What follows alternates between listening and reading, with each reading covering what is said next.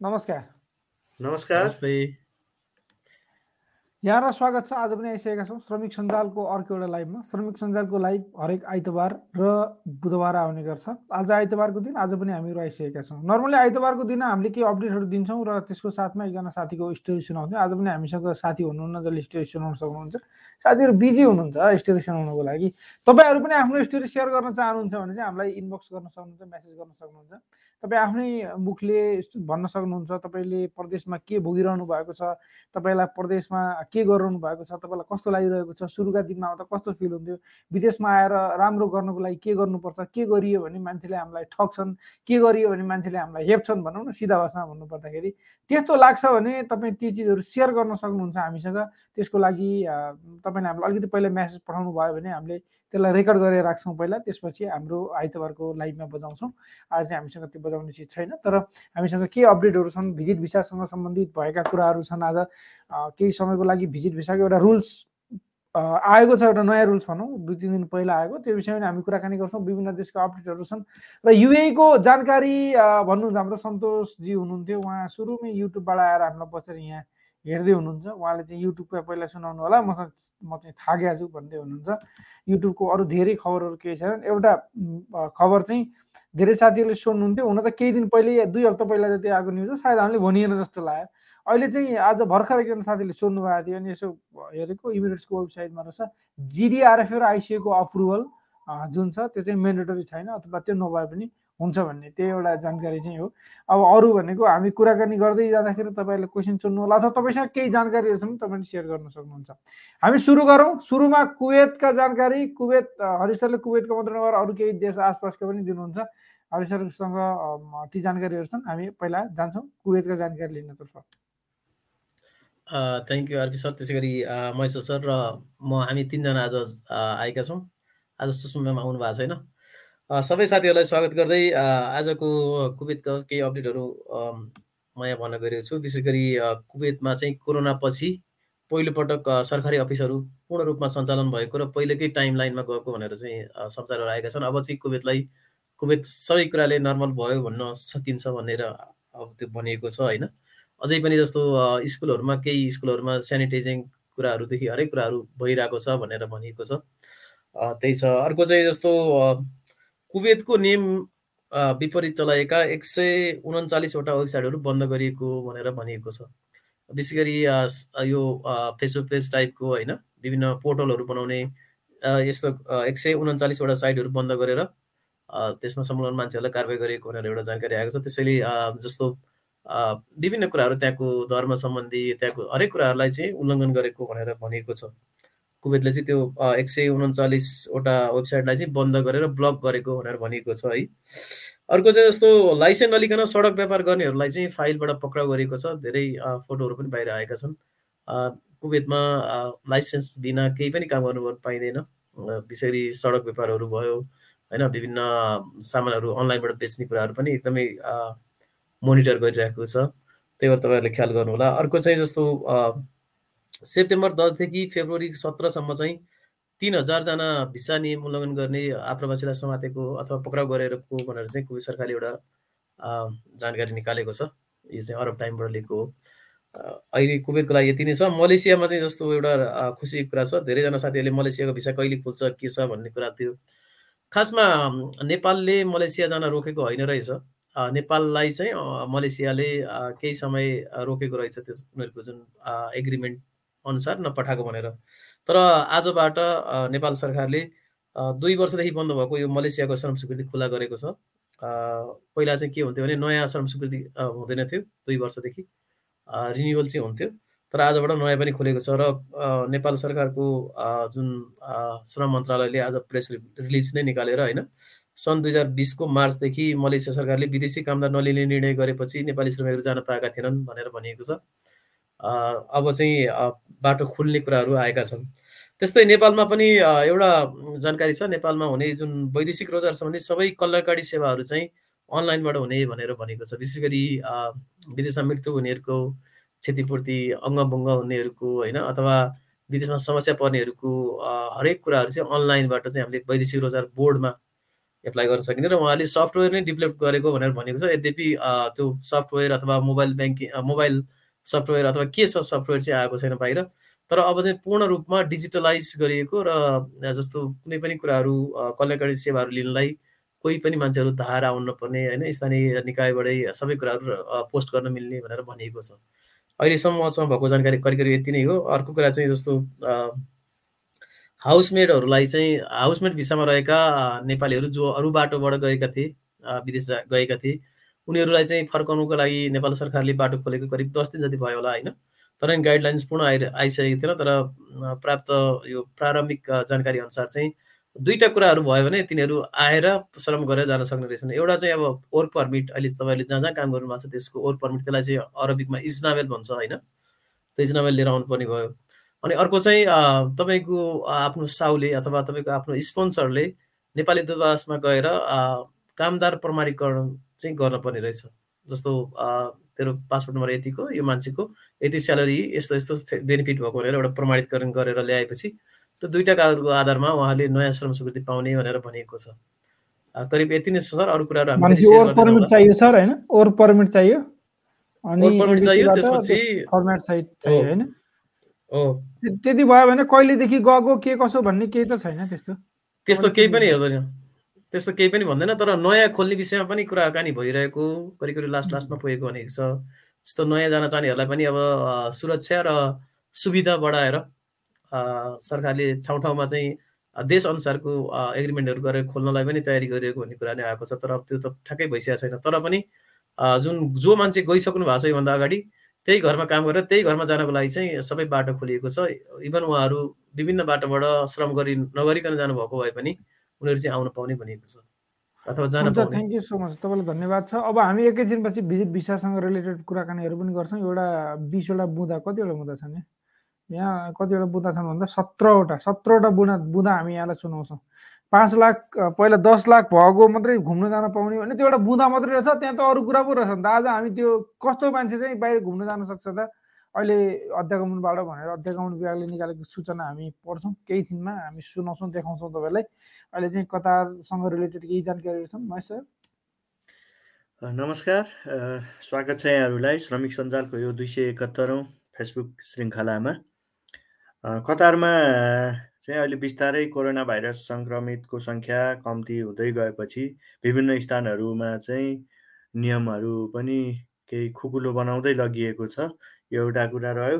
अर्को कुरा यही मार्चको एकतिस तारिकसम्म चाहिँ अवैधानिक रूपमा अनडकुमेन्टेड भएर बसेका प्रवासी नागरिकहरूलाई कतार सरकारले चाहिँ एमनेस्टी दिइराखेको छ। तपाईँहरू कोही कागजात बिना चाहिँ कतारमा हुनुहुन्छ भने त्यो कागजात बनाएर कतारमै बस्ने वा कतार छाड्ने त्यो निर्णय गर्न सक्नुहुनेछ। मलेसियामा पनि एमनेस्टी जारी छ। सजिलै तपाईँहरू अहिले नेपाल फर्किन चाहनुहुन्छ भने मलेसियामा भएका साथीहरू अहिले हामीलाई हेर्दै हुनुहुन्छ। भने पनि मलेसियामा पनि एमनेस्टी जारी छ। सहजै रूपमा चाहिँ तपाईँहरू वर्षौँदेखि चाहिँ घर फिर्तीको लागि कुरेर बस्नुभएको छ भने अहिलेको यो अवसर तपाईँका लागि चाहिँ सुवर्ण अवसर हुनसक्छ। त्यो प्रक्रिया पुरा गर्नुहोस्। थप जानकारीका लागि चाहिँ मलेसियाको मा रहेको नेपाली राजदूतावासमा सम्पर्क गर्नुहोला। उहाँहरूले चाहिँ तपाईँहरूलाई नेपाल फर्काउनको लागि सहजीकरण गर्नुहुनेछ भनेर जानकारी गराएँ। यति नै छन् मसँग आरपी सर आजको जानकारी। अब नियमित उसमा भिजिट भिसाको पछि हामी आज पनि केही बेर चाहिँ हाम्रा भोटिङ राइट्सका बारेमा केही कुराकानी गर्नेछौँ। तपाईँलाई के लाग्छ? नेपाल हामी विदेशमा छौँ र विदेशबाट पनि हामीले भोट हाल्न पाउनुपर्छ या पर्दैन? के लाग्छ? आफ्ना विचारहरू लेख्नुहोस्। भोट हाम्रो मताधिकारको प्रयोग के हो र किन के का लागि तपाईँले के बुझ्नु भएको छ हाम्रो मताधिकारको बारेमा त्यो पनि अलिकति लेख्नु होला। कुन देशबाट हेर्दै हुनुहुन्छ कमेन्टमा हामी पढ्नेछौँ अनि तपाईँले बुझ्नुभएको छ भने यो ठिकै छ बुझ्नु भएको छैन भने हामी बुझाउने प्रयत्न गर्नेछौँ। भोटिङ राइट्स भनेको के हो? भोट हाल्न पाउने विदेशबाट भन्ने चिजहरू तपाईँलाई कस्तो लाग्छ?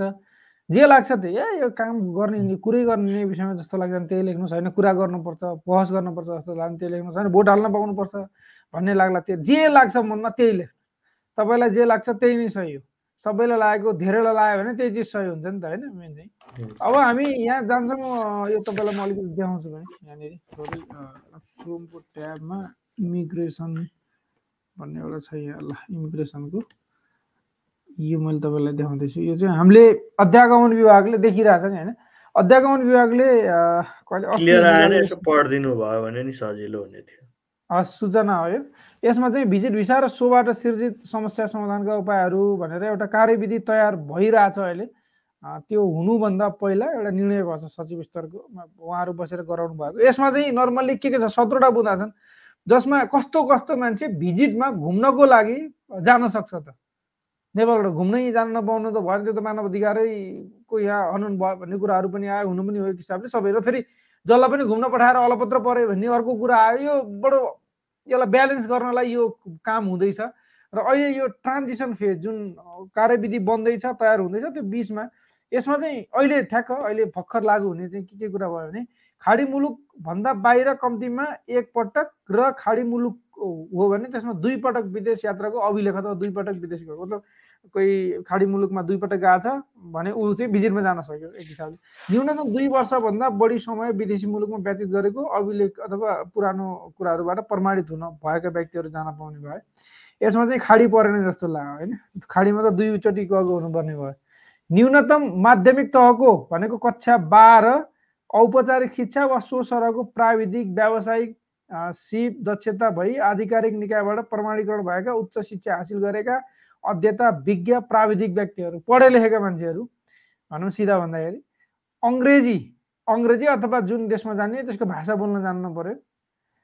अनि आफ्नो घरको नजिकको मान्छेसँग जाने अथवा उसले बोलाएको खण्डमा जस्तै आमा बुवा सासू ससुरा छोरा छोरी श्रीमान श्रीमती उहाँहरू चाहिँ वैदेशिक रोजगारीमा हुनुहुन्छ र उहाँले बोलाउनु भयो भने उहाँहरू चाहिँ जान सक्नु भयो।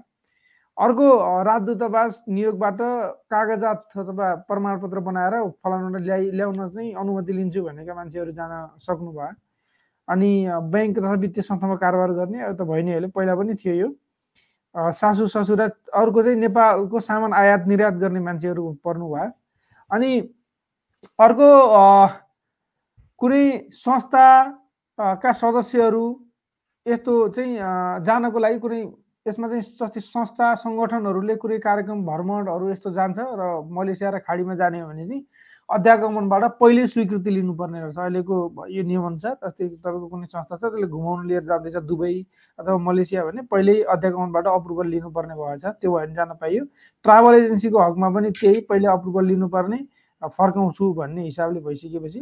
अर्को एउटा यो पोइन्ट चाहिँ अझै धेरै पहिला आयो। न्यूनतम पाँच लाख रुपियाँ कर योग्य आयो भनेको तपाईँले कर तिर्ने आए पाँच लाख रुपियाँ भएको र आधा रकम मतलब साढे दुई लाख रुपियाँ चाहिँ ब्याङ्कमा हुनु पऱ्यो त्यो भएको मान्छे। त्यसपछि औद्योगिक व्यवसायको लागि अन्त गतिविधि व्यावसायिक गतिविधिमा अन्तर्राष्ट्रिय सञ्जालमा आबद्ध संस्थासँग आधिकारिक प्रतिनिधिहरू भनेको छ यसमा पनि उहाँहरूका आफन्तहरू घर नजिकका मान्छेहरू घरका नजिकका मान्छेहरू आमा बुवा श्रीमान श्रीमती छोराछोरी उहाँहरू पर्नुभयो।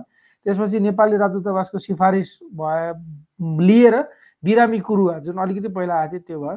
अब यहाँनिर एउटा अलिकति लामो र सोह्र नम्बरको यो चाहिँ पुरै मैले शब्द शब्द पढेँ। खाडी मुलुक मलेसिया अफ्रिकन मुलुक र जोखिम भएका मुलुकहरूको भ्रमणमा जाने खेलाडी तथा कलाकारहरूको हकमा आयोजकबाट आधिकारिक निमन्त्रणा वा प्रयोजन पत्र प्राप्त गरेका सूचीमा संलग्न व्यक्ति आयोजनाको आमन्त्रण र प्रयोजन सम्बन्धी कागजात वेबसाइट अनलाइन रुजु हुनुपर्ने अथवा सम्बन्धित मुलुकमा रहेको नेपाली नियोगबाट प्रमाणित सिफारिस भएको हुनुपर्ने। सोह्रमा सम्बन्धित निकायको सिफारिसमा अध्यागमन विभागबाट विभागबाट पूर्व स्वीकृति पास प्राप्त हुनुपर्ने। यसरी समूह व्यक्तिगत रूपमा भ्रमण जाने विषयमा सिफारिस गर्दा सिफारिस गर्ने निकाय जिम्मेवार रहने। यो कुरा चाहिँ सायद बुझ्यो होला अब कोही खेलाडी छ त्यस्तो टाइपको र यो मुलुकहरूमा जाँदैछ भने उसलाई चाहिँ वेबसाइटमा उसको नाम हुनु पर्यो होइन? अनि पहिले अप्रुभल हुनु पर्यो उताबाट लेटर आउनु पर्यो अनि एम्बेसीले कि त एम्बेसीले पनि अप्रुभ गरेको हुनु पर्यो यो टाइपका चिजहरू अथवा पूर्व स्वीकृति लिनु पर्यो। यहाँ बुँदा नम्बर पन्ध्रमा पन्ध्रको चाहिँ पन्ध्रमा उल्लेख भएको मापदण्डको आधारमा नपर्ने व्यक्तिको हकमा अध्यागमन विभागबाट अनिवार्य रूपमा पूर्व स्वीकृति प्राप्त गरेपछि मात्र भिसा वा हवाई टिकट सम्बन्धी प्रक्रिया अगाडि बढाउन सरोकार पक्षलाई सूचित गर्ने भनेको। यो जुन बुँदा नम्बर पन्ध्रमा नेपाली दूतावासको सिफारिस अ, जाने भन्ने कुरा छ यो छैन भने उल्लेख भएको मापदण्ड आधारमा नपर्ने व्यक्तिको हकमा हकमा ए यसमा योभन्दा बाहेक अरू नपर्ने व्यक्तिको हकमा चाहिँ हामीले एकचोटि कमसेकम एम पहिला अध्यागमनसँग कन्फर्म गरेर मात्रै टिकट र भिजा को प्रोसेस गर्ने भन्ने कुरो आयो। ल अब भिजिट भिसाका कुरा यिनै हुन् अब सकिए। भिजिट भिसामा यिनै हुन्। अब फ्यामिलीलाई लान गाह्रो हुँदैन है सर होइन? फ्यामिली चाहिँ त्यो भित्र पर्यो। फ्यामिली एका घरको परिवारमा पऱ्यो फ्यामिलीहरू बच्चाहरू बुवा आमा लान सजिलै पाइन्छ। त्यो पर्यो। अब त्यसलाई चाहिँ अलिकति व्यवस्थित तरिकाले लान पर्यो। अब उता डकुमेन्टहरू चाहियो भने सबै उताको तपाईँको आइडी कार्ड तपाईँको स्यालेरी स्लिप तपाईँको काम गरेको अब बस्ने कहाँ होइन? लगायतका चिजहरू चाहिँ हुनु पर्यो। अँ, त्यो चिज चाहिँ फ्यामिलीलाई पठाइदिनु भयो भने सजिलो हुन्छ पक्कै पनि। कमेन्टतिर लागौँ। सन्तोष उप्रेतीजी हुनुहुन्छ हामीलाई युट्युबबाट हेरेर। नमस्ते सबैमा। आज त धेरै बेर बस्न सक्दिनँ भनेर भन्नुभएको छ। थाकेको छु युएको पहिला सुनेर सुत्नु पर्ला भन्नुभएको छ। सुतिसक्नु भयो कि है? धन्यवाद। रेस्ट गर्नु होला आज हामीसँग युएको अपडेटहरू सुनाउनको लागि हाम्रो युएबाट सहकर्मी आज हामी माझ हुनुहुन्न। उहाँ चाहिँ बाहिर कमेन्ट गर्नु भएको थियो तल मैले हजुर। देखाएको थिएँ है। यहाँ बाहिर कमेन्ट गरिरहनु? भएको थियो। बाहिर छु म भनेर। त्यसको लागि हामीले माफी माग्छौँ यहाँबाट। उहाँ यता हुनुहुन्छ। कमेन्टतिर। सुषमा नमस्कार सबैमा आज म लाइभमा आउन लेट भयो बाहिर भएकोले भन्नुभएको थियो। आइतबार चाहिँ युएमा छुट्टी हुने सुरु भयो। अब अरू देशहरूमा पनि आइतबारै छुट्टी हुने जस्तो कन्डिसन आयो भने आइतबारको हामीले प्रोग्राम नै पोस्टपोन गरेर अर्को दिन राख्न नि सक सकिन्छ। साथीहरूको सजेसन आओस् तपाईँहरूको के लाग्छ? किनभने छुट्टीको दिन मुडै छुट्टीको हुन्छ। कसले सुनेर बसिराख्ने यता ज्ञान गुणका यस्ता अपडेट सबै के चाहियो होइन? चटपटे कुरा चाहियो आज त। भन्ने लाग्छ भने होइन भने चाहिँ अब छुट्टी भए पनि अब सबैजनालाई समेट्न हामी कोसिस पक्कै पनि ए, यो यो क्वेसन हो यो त।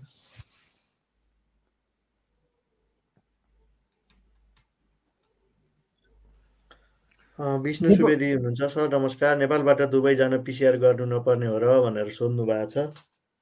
नपर्ने हो है अहिले? पुरै डोज भ्याक्सिन? लगाइसक्नु भएको खोप कार्ड छ भने तपाईँले चाहिँ पिसिआर गरिराख्नु परेन। थप जानकारीका लागि चाहिँ के पनि भनेर अर्को आएको छ भने जस्तो कुनै एयरलाइन्सहरूले चाहिँ अब त्यो यहाँ चाहिँ विमानस्थलमा चाहिँ नचाहिने भनियो भने कुनै कुनै विमानहरूले चाहिँ अब त्यसलाई चाहिँ म्यान्डेटरीको साथ राखेका छन् भने त्यो गर्नुपर्ने हुन्छ। तपाईँ कुन विमान चढेर यात्रा गर्दै हुनुहुन्छ एकचोटि त्यो सो विमानमा चाहिँ फोन गरेर बुझ्नुभयो भने सो विमानको कार्यालयमा सजिलो वा कन्ट्रीले चाहिँ हुन्छ आऊ चाहिँदैन भने प्लेनै चढ्न दिएन भने के चढेर जाने फेरि हामी? त्यही प्लेन चढेर जाने प्लेनकै प्लेनले चढ्न दिएन भने त जान पाइएन। त्यो भएर सोध्नु पर्यो।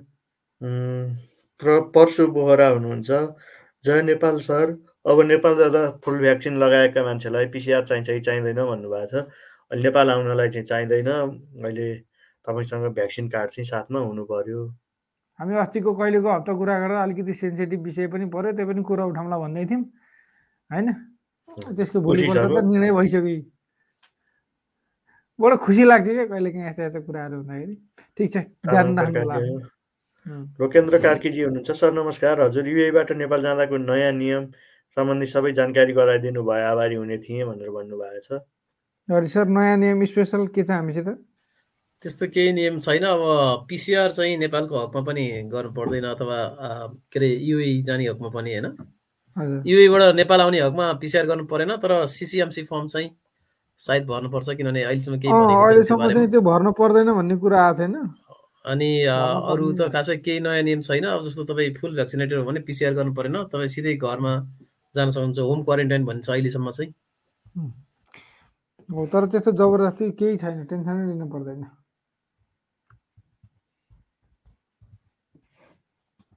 यो पनि त्यही हो होइन? चारवटा खोप लगाउनु भएको छ अरे। भइहाल्यो। आउनुहोस् न। भ्याक्सिन कार्ड चाहिँ बोकेर आउनु होला। त्यही हो। आदित्य आदित्यजी हुनुहुन्छ। उहाँ पनि हाम्रो नियमित दर्शक श्रोता हुनुहुन्छ। श्रमिक सञ्जालको। श्रमिक सञ्जाललाई एकदमै माया गर्नुहुन्छ। खुसी लाग्छ उहाँहरूलाई देखेर। हेलो नमस्ते। म दुबई सोनापुरबाट फेसबुक लाइभ हेर्दैछु। बरदुबई घुमघाम गरेर भर्खर आउँदैछु। जे होस् रमाइलो भयो।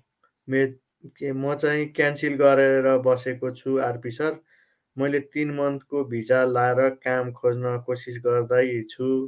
खोइ प्र- केही प्रब्लम हुन्छ कि नाइ भनिदिनुहोस् न भनेर सोध्नु भएको छ तिन महिनाको भिजा काम खोज्नलाई प्रब्लम हुँदैन मजाले काम खोज्न सक्नुहुन्छ।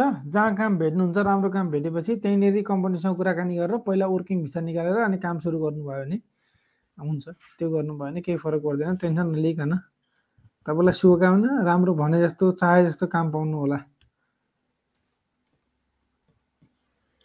हिरामणि ढकालजीले लेख्दै हुनुहुन्छ। उहाँले फेरि हामीलाई एउटा रचना लेखेर पठाउनु भएको रहेछ श्रमिक सञ्जालका लागि उहाँले रचना पठाइरहेको रचना पब्लिस पनि भएको थियो है हिजो कहिले अर्को एउटा पेन्डिङमै छ जस्तो लागेको छ त्यसलाई पनि हामी चाँडै नै गर्नेछौँ। पहिलो पठाउनु भएको। बिहानी बढ्दैछ जवानी झन्झन तिम्रो सबैले कहानी गर्छन् तिम्रो तारिफ गर्ने छ रे। अनि बानी धिरमा राखे आफ्नो मन तिम्रो। मोहनी मलाई पो लगाई छाड्यो कोइली चाहिँ बोली वचन तिम्रो खुसी नै बस्छौ खुसाए मलाई गरिदिए बाचा बन्धन तिम्रो। हँसिली सानी के राम्रो यो- बानी इच्छा मकन तिम्रो। भावनालाई। भनेर चाहिँ लेख्नु भावना। एकदम मिलेकै छैन त्यो हामीले पढ्दाखेरि मिलेन के? हजुर त्यो एउटै लाइन भयो अनि त्यो भएको हुनाले मिल्दै पर्यो। कहाँनिर अड्किने कहाँनिर चाहिँ। छोडिने होइन। त्यो अब कि त कमा त्यो नमिलेर यो मिलेन। हजुर हजुरले पठाउनु भएको जुन भावनाहरू छ त्यही यो पनि त्यस्तै नै भावनै पठाउनु भयो भने त्यतै ठिक होला जस्तो लाग्यो मलाई त। होइन भने यो होइन बिहानी। अँ। ओ यो त्यही भन्नु होला। खोइ मैले नि बुझिनँ भन्नु पढ्न जाने होइन यसलाई त्यो एउटै लाइन भयो थ्याङ्क यू सो मच हजुरलाई धेरै धेरै धन्यवाद छ है यसको लागि फेरि यो हामीले पढेनौँ। हामीलाई त्यो यसको भावना अर्थ अर्थै नहुने नलाग्ने भयो के त्यो ठ्याक्क मिल नमिल्या भएर त्यो भएर हामीले हो। अलि कन्टिन्यू गर्नै सकिएन। ल सुषमाको कुरा भयो चाहिँ। आ, घर आइपुग्नु भयो भने आउनुहोस् म्याडम लाइभमा। अझै छ हामीसँग दस पन्ध्र मिनट। हामी पनि नमस्ते सर भनेर भन्नुभएको छ लामा डोल्माजीले। अँ, तिम्रो यादमा बाँचिरहेको छु भनेर एकजना हुनुहुन्छ हरि सर कुवेतबाट श्रम गर्दा कति केडी लाग्छ भनेर भन्नुभएको छ श्रम गर्दाखेरि जहाँबाट गरे नि लाग्ने शुल्क त्यति नै हो जति। नेपाल सरकारले तोकेको छ अब कसैले उ गर्नुहुन्छ भने त्यो चाहिँ सेवा शुल्क भनेर उहाँहरूले लिनु पो हुन्छ त्यही नै हो अँ, तपाईँले आफै गर्नु भने त फ्री हुन्छ अब कसैलाई गराउनु होइन, अझै- अलिकति त्यो अझै, documentation अँ, चार्ज लिन सक्छन् त्यो। अ- अझै एउटा तर धेरै। श्रम गर्न मिल्दैन पनि कुवेतबाटै? श्रम गर्न जस्तो मतलब दूतावासबाट मिल्दैन होइन तपाईँले अनलाइनबाट आफैले गर्ने हो कि यो चाहिँ त्यो। अनलाइन नेपालबाट गराउन सक्नुभयो कुवेतमा पनि। कोही कसै कोही हुन्छ हुनुहुन्छ होला सायद अथवा कसैले र जो पायो त्यसलाई जसले पायो त्यही चिने नचिने मान्छेलाई फ्याटलर पैसा पैसा दिएर डकुमेन्ट सकुमेन्ट दिने काम पनि नगर्नु होला फेरि त्यो के हुन्छ भने श्रम पनि नगरिदिने पैसा पनि चट ए ल हुँदैछ हुँदैछ भन्ने के भयो भनिदिने यत्तिकै त्यस्तो पनि गर्न। सक्छन् त्यो चाहिँ अलिकति भर्दाखेरि अलिकति केही मिस्टेक भइहाल्यो भने त्यो सच्याउन पनि नमिल्ने रहेछ। सच्याउन मिल्दैन इनकेस अफ डिलेट भयो भने तपाईँको आफै गर्दाखेरिबाट समस्या त्यस्तो पनि हुन्छ कि। अलिक एक्सपिरियन्सहरूलाई गराउँदा त्यो चाहिँ ठिकै हुन्छ। तर एक्सपिरियन्सहरू पनि अब हुन्छ नि भरपर्दो मान्छेहरू चाहियो कि। त्यसको लागि चाहिँ। त्यो भएर आफै पनि ट्राई गर्नुहोस् भिडियोहरू हामी पनि एउटा कोर्स बनाउने कोसिस गर्दैछौँ यसको बारेमा। जस्तै इनकेस अफ झुक्किएर डिलिट भयो भने तपाईँको फेरि पन्ध्र सय गयो। अनि पाँचचोटि रिजेक्ट भयो भने फेरि तपाईँले नयाँबाट सुरु गर्नुपर्छ। त्यस्तो छ कि अहिले? पहिला जति रिजेक्ट भयो नि हुन्थ्यो। नयाँ नियम फेरि के बनाइदिएन भने धेरै एउटा जस्तै एउटा पेपर हाल भनेर नोटिफिकेसन आउँछ। त्यो पेपर सेपर एड नगरिकन फेरि सब्मिट गरिदिने। अनि फेरि त्यो आउँछ फेरि सब्मिट गरिदिने। गर्दा त हैरान भएर। त्यो अब वैदेशिक रोजगार विभागको मान्छे त्यही भएर होला। त्यो पाँचवटा पाँचचोटि भन्दा धेरै हाल्यो भने श्रममा फेरि नयाँबाट सुरु गर्न सक्नु पठाइन्छ तिनीहरूले। आजभोलि चाहिँ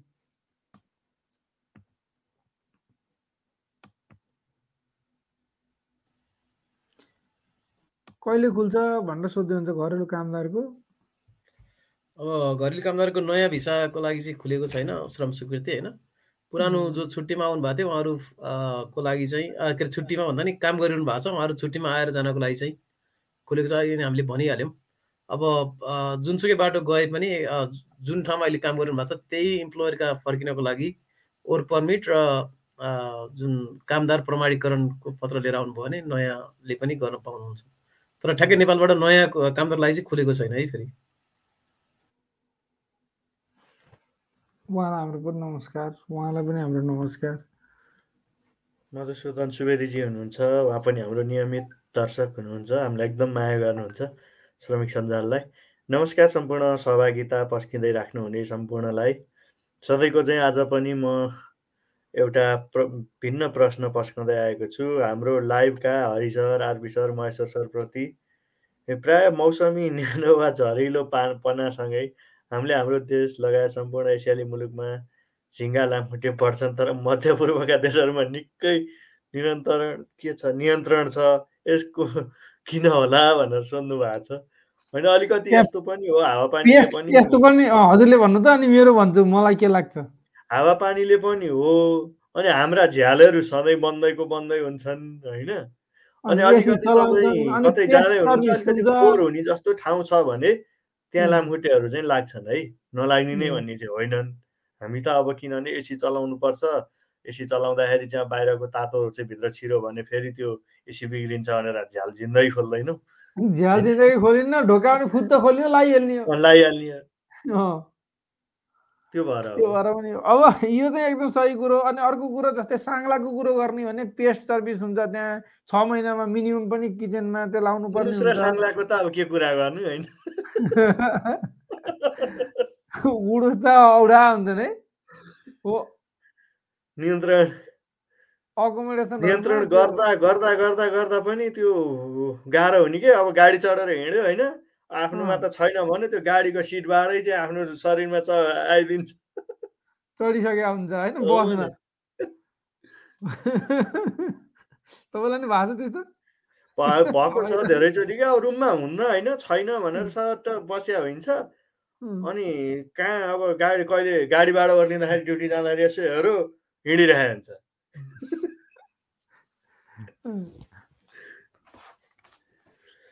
मिलन गर्बुजाजी हुनुहुन्छ नमस्कार सबैलाई। अहिले कतारदेखि नेपाल जाँदा पिसिआर गर्नुपर्छ कि पर्दैन भन्नुभएको छ। तपाईँले भ्याक्सिनको पूर्ण मात्राका खोपहरू लगाइसक्नु भएको छ भने पर्दैन।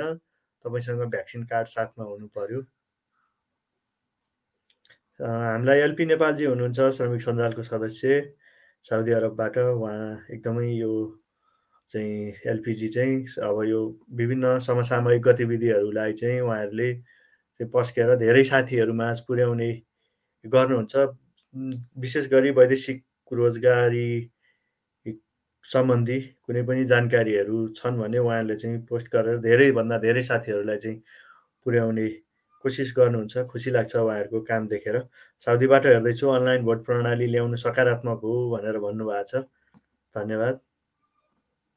पनि बुझिराखौँ नेपाल सरकारले अस्ति भर्खरै निकालेको सूचनालाई आधार मानेर धेरैजसो सञ्जालमा धेरै थरीका हल्लाहरू प्रशस्त देखिएको छ र देखिँदै आएको छ। त्यसैले यदि कोही पनि नेपाली दाजुभाइ दिदीबहिनीहरू नेपाल जाँदै हुनुहुन्छ भने सबैभन्दा पहिले आफ्नो उडान कुन देश हुँदै जाने हो ख्याल गरी समयमै गर्नुपर्ने कार्यहरू गर्नुहोला। पिसिआर भ्याक्सिन सर्टिफिकेट सिसिएमसीको फर्म आवश्यक नै छ। तपाईँको उडान कुनै देशमा ट्रान्जिट नभई सिधा काठमाडौँ छ भने पिसिआर जरुरी नपर्ने तर अन्य देशमा ट्रान्जिट भएको खण्डमा पिसिआर चाहिने भनेर सूचनाहरू आइराखेका छन्। एकदमै राम्रो जानकारी दिनुभएको छ एलपिजीले। यसको लागि तपाईँलाई धेरै धेरै धन्यवाद। राजेन्द्र परिवर्तनजी हुनुहुन्छ। रात्रिकालीनको दर्शन नमस्ते सर मेमहरूमा मेरो जिज्ञासा आरपी सरको एउटा भिडियो हेरेको थिएँ। मैले विदेशबाट लगेका मोबाइल नेपालमा नचल्ने भन्ने कुरा के हो र अनि अर्को कुरा आज भोलिको अवस्थामा नेपाल जाँदा कति मोबाइल लाग्न मिल्छ र नेपालदेखि दुबई आउँदा पिसिआर टेस्ट गर्नुपर्छ कि नै भनेर सोध्नु भएको छ। नेपाल सरकारले मोबाइलको कुरो चाहिँ एउटै हो तोकेको एउटाभन्दा बढी ल्याउनु चाहिँ अब गैर कानुनी भनेर भन्छ। बाँकी अब त्यो तर अब अहिले नयाँ कार्य। कार्यविधि बन्दैछ यसमा चाहिँ के हुन्छ अब हेर्न बाँकी छ अहिलेसम्मलाई त्यस्तो छ होइन? अब यसमा चाहिँ नेपाल विदेशबाट नेपाल ल्याएको मोबाइल नचल्ने भन्ने होइन? तर नेपालमा रजिस्टर गर्नुपर्ने हुन्छ आइएमआई नम्बर रजिस्टर गर्नुपर्ने हुन्छ। दूरसञ्चार भने एनटिए के छ? होइन? Nepal telecommunication authority NTA dot GOV dot NP त्यो वेबसाइटमा त्यहाँनिर अप एउटा अप्सन हुन्छ भन्नाले त्यहाँनिर त्यहाँ गएर त्यही भिडियो जुन हेर्नुभयो तपाईँले मेरो भिडियो त्यसमै छ होला पक्का त्यहाँ यसो हेर्नु न आइडिया भनेको छ त्यसमा। त्यसमा गएर तपाईँले रजिस्टर गर्नुपर्ने हुन्छ IMEI number IMEI number register गरिसकेपछि टेन्सन भएन नेपालमा पनि चल्यो। तर अब वैशाखको अन्तिमदेखि चाहिँ त्यो एक्टिभ हुने भन्ने कुरा छ। त्यो एक्टिभ भइसकेपछि उताबाट जो नयाँ लिएर आउँछौँ त्यो मोबाइलहरू रजिस्टर गरेर अब एयरपोर्टमा हुन्छ अथवा बाहिर कतै रजिस्टर गर्न सक्ने सम्भावना के हुन्छ सायद एयरपोर्टमै हुनसक्छ। त्यो व्यवस्थाहरू मिल्दैछ अरे त्यसपछि हामी पक्कै पनि तपाईँहरूलाई अपडेट गराउँछौँ। अहिलेको लागि टेन्सन लिइराख्नु पर्ने केही छैन।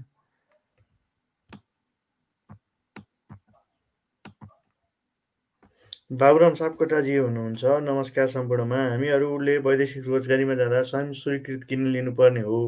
अन्य देशका नागरिकहरू बिना श्रम स्वीकृति नलिकन खाडी मुलुकहरूमा आउँछन्। जबकि भारतीयहरू नेपालमा श्रम गर्दा कुनै स्वीकृति लिनु पर्दैन। करिब वार्षिक तिन चार अर्ब रेमिटेन्स भारत भित्रिने गर्छ। यदि तिनीहरूलाई पनि श्रम स्वीकृति दिए र त्यस बापत केही रकम लिन सकियो भने त्यसको अर्थतन्त्रमा टेवा पुग्ने थियो सो सम्बन्धी निकायमा पुर्याउनु पर्यो भन्नुभएको छ।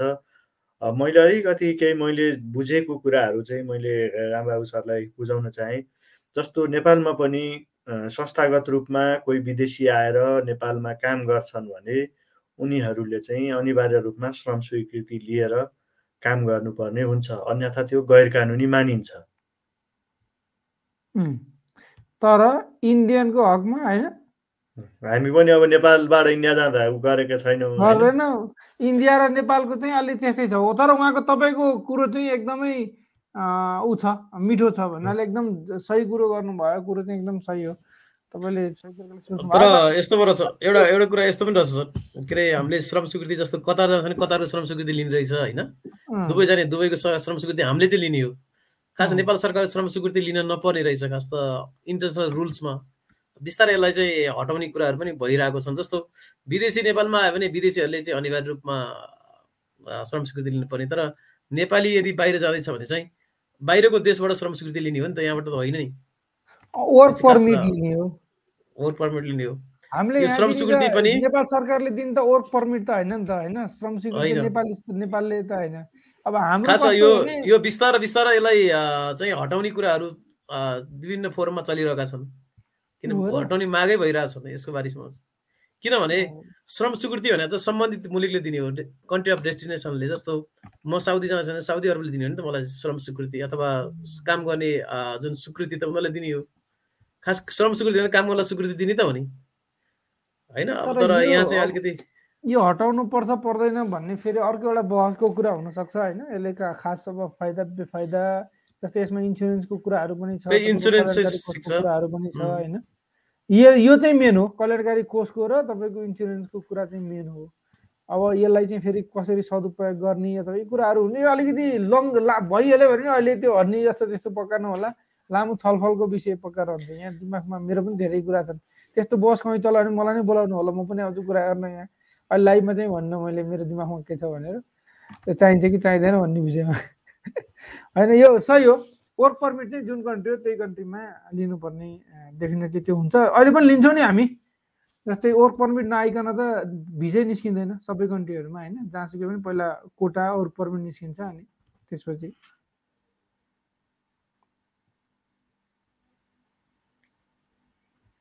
नयाँ कमेन्ट पढ्नु होला राजेश्वर प्रज्वल कणेलजी हुनुहुन्छ। म दुबईमा आउन लागेको बट मेरो केही पनि छैन। रिलेसन्सको भिज भिजिटमा आउन के गर्नुपर्छ भन्नुभएको छ? अहिले केही बेरपछि हामी चाहिँ अहिले भर्खरै अध्यागमन विभागले चाहिँ जारी गरेको चाहिँ अपडेटेड सूचनाहरू प्रकाशित गर्नेछौँ। त्यहाँ पढ्नुभयो भने धेरै कुराहरू चाहिँ थाहा पाउनुहुनेछ। हामीले भन्यौँ पनि भिडियोमा भन्नु पनि अघि हामीले केही बेर अगाडि भनेका पनि छौँ। अब तपाईँ पढ्नै जानुहुन्छ भने केही बेर पछाडि पढ्नु सक्नुहुनेछ। लामा डोल्माजी हुनुहुन्छ। हेलो सर यो रमादानको छुट्टी कति दिनको हुन्छ भनिदिनुहोस् न सर भनेर भन्नुभएको छ।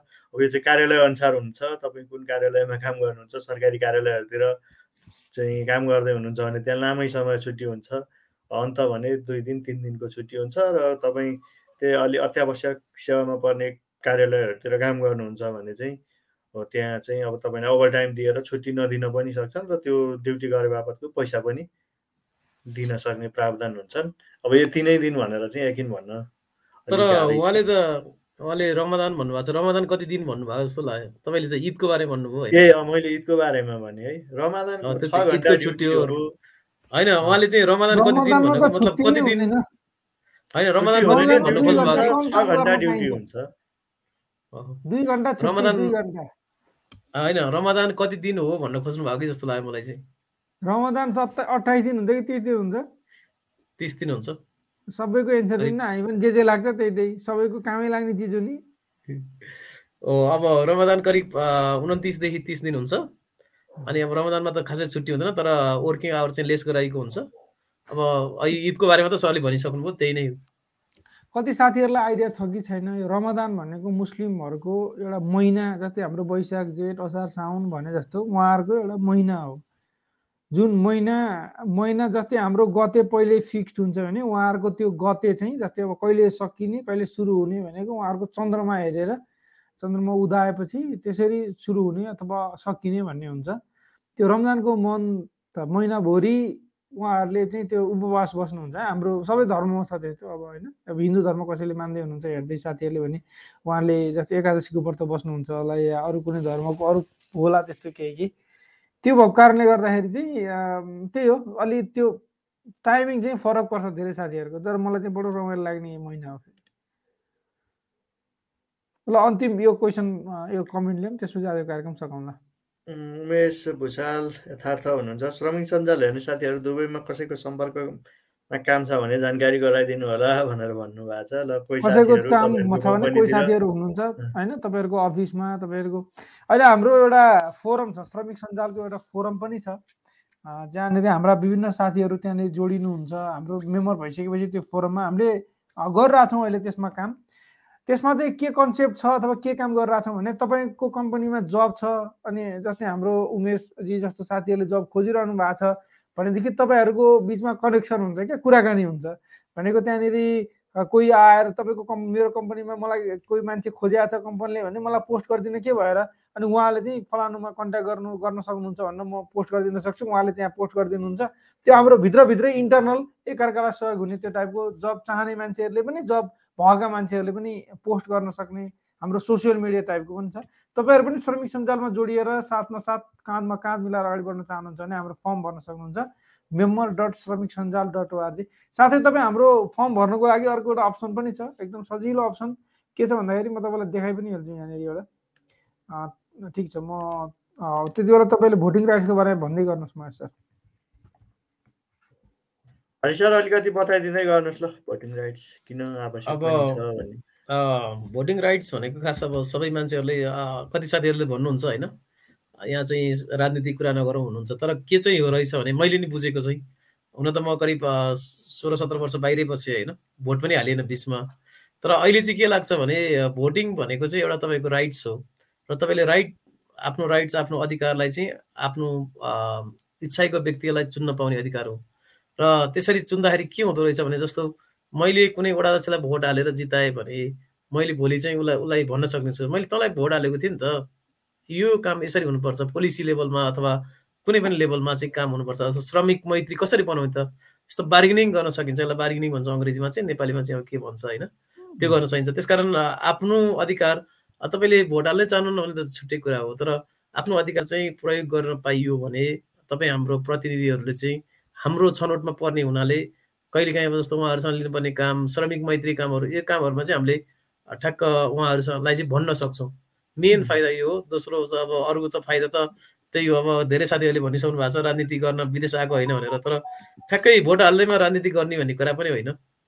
तर भोट हाल्दा आफ्नो राय चाहिँ व्यक्त गर्न सकिन्छ तपाईँले चाहेको मान्छेलाई चुन्न सकिन्छ र तपाईँ जो जहाँ हुनुहुन्छ अहिले त्यहाँबाटै भोट हाल्न पायो भने धेरै राम्रो हुन्थ्यो नि अनलाइनबाट। अहिले खास हाम्रो चर्चा चाहिँ यसमा चलिरहेको छ। अब यो तपाईँले जस्तै हाम्रो यसमा एउटा डिटेल भिडियो पनि छ तपाईँ श्रमिक सञ्जाल डट जस्तै तपाईँ direct Facebook dot com slash श्रमिक सञ्जालमा जानुभयो भने हाम्रो पेज भेट्नुहुन्छ। होइन भने पनि तपाईँले जहाँ हाम्रो देख्नु भएको छ हाम्रो प्रोफाइल भन्छ नि प्रोफाइल त्यहाँ गएर हेर्न सक्नुहुन्छ। यहाँनिर भिडियोज भन्ने अप्सन छ। यो भिडियोजमा चाहिँ यहाँनिर हामीले एउटा भिडियो राखेका छौँ केही दिन पहिला। के हामीले भोट विदेशबाट हाल्न पाउनुपर्छ भन्ने छ। यो हाम्रो अधिवक्ता अथवा लयर हुनुहुन्छ।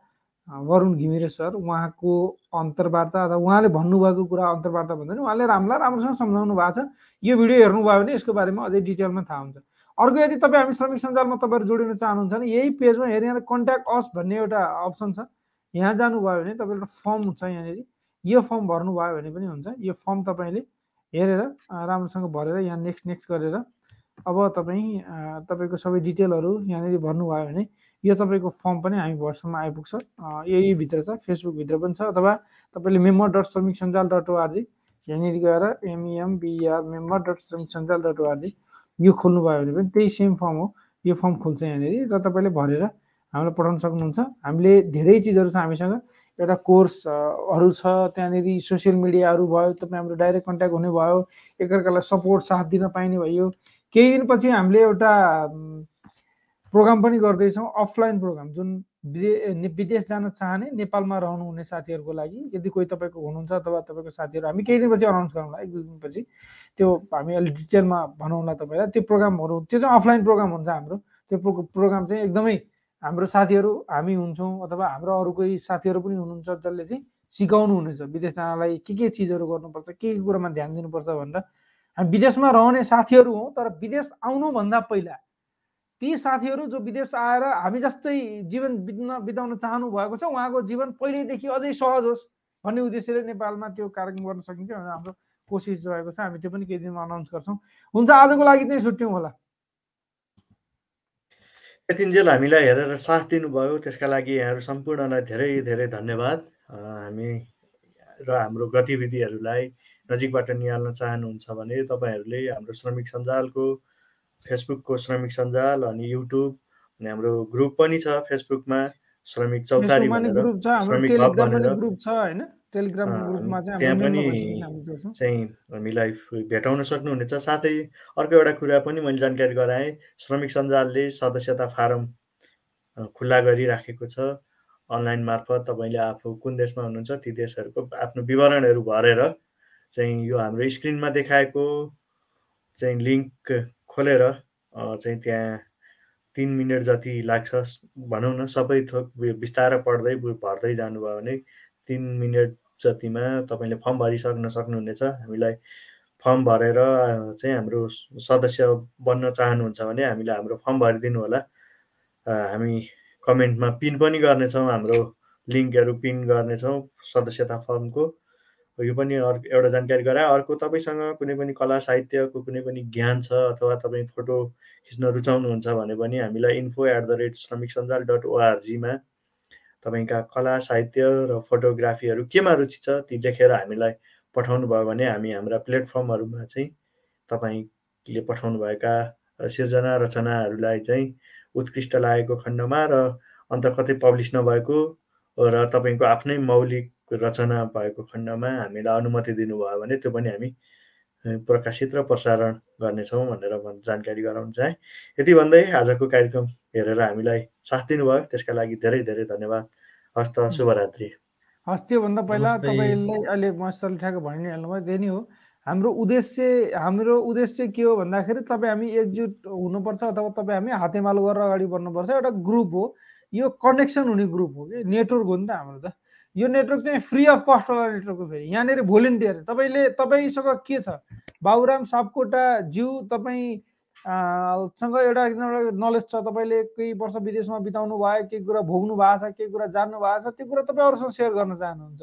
अरू कोही साथीहरू हुनुहुन्छ उहाँहरूसँग केही कुरा छ उहाँहरूसँग तपाईँ केही सिक्न चाहनुहुन्छ भने एक आपसमा हामी मिलेर अगाडि बढ्छौँ। त्यही नै हो। किनभने जसरी गाउँमा बाल क्लब युवा क्लब महिला समूह हुन्छन् एउटा गाउँठाउँमा त्यस्तै हाम्रो श्रमिक समूह हो कि? यो श्रमिकहरूको समूह हो। यो चाहिँ विभिन्न देशहरूमा भएका साथीहरू मिलेर गर्छौँ र हाम्रो फिजिकल्ली भेटघाट हुन गाह्रो हुने भएकोले अनलाइनमा धेरै भेटघाट हुन्छ। र फिजिकल्ली पनि हुन्छ। हरेक देशहरूमा हाम्रो साथीहरू हुनुहुन्छ। भोलि त्यहाँ जसले कसले लिड गर्ने भन्ने चाहिँ हाम्रो नर्मली के हुन्छ? जो अलिक सक्रिय भएर काम गर्न सक्नुहुन्छ उहाँले नै गर्नुहुन्छ। पहिला फर्म भर्नुभयो भने राम्रो हुनेछ। हुन्छ हस् अहिलेको लागि हामी छुट्यौँ।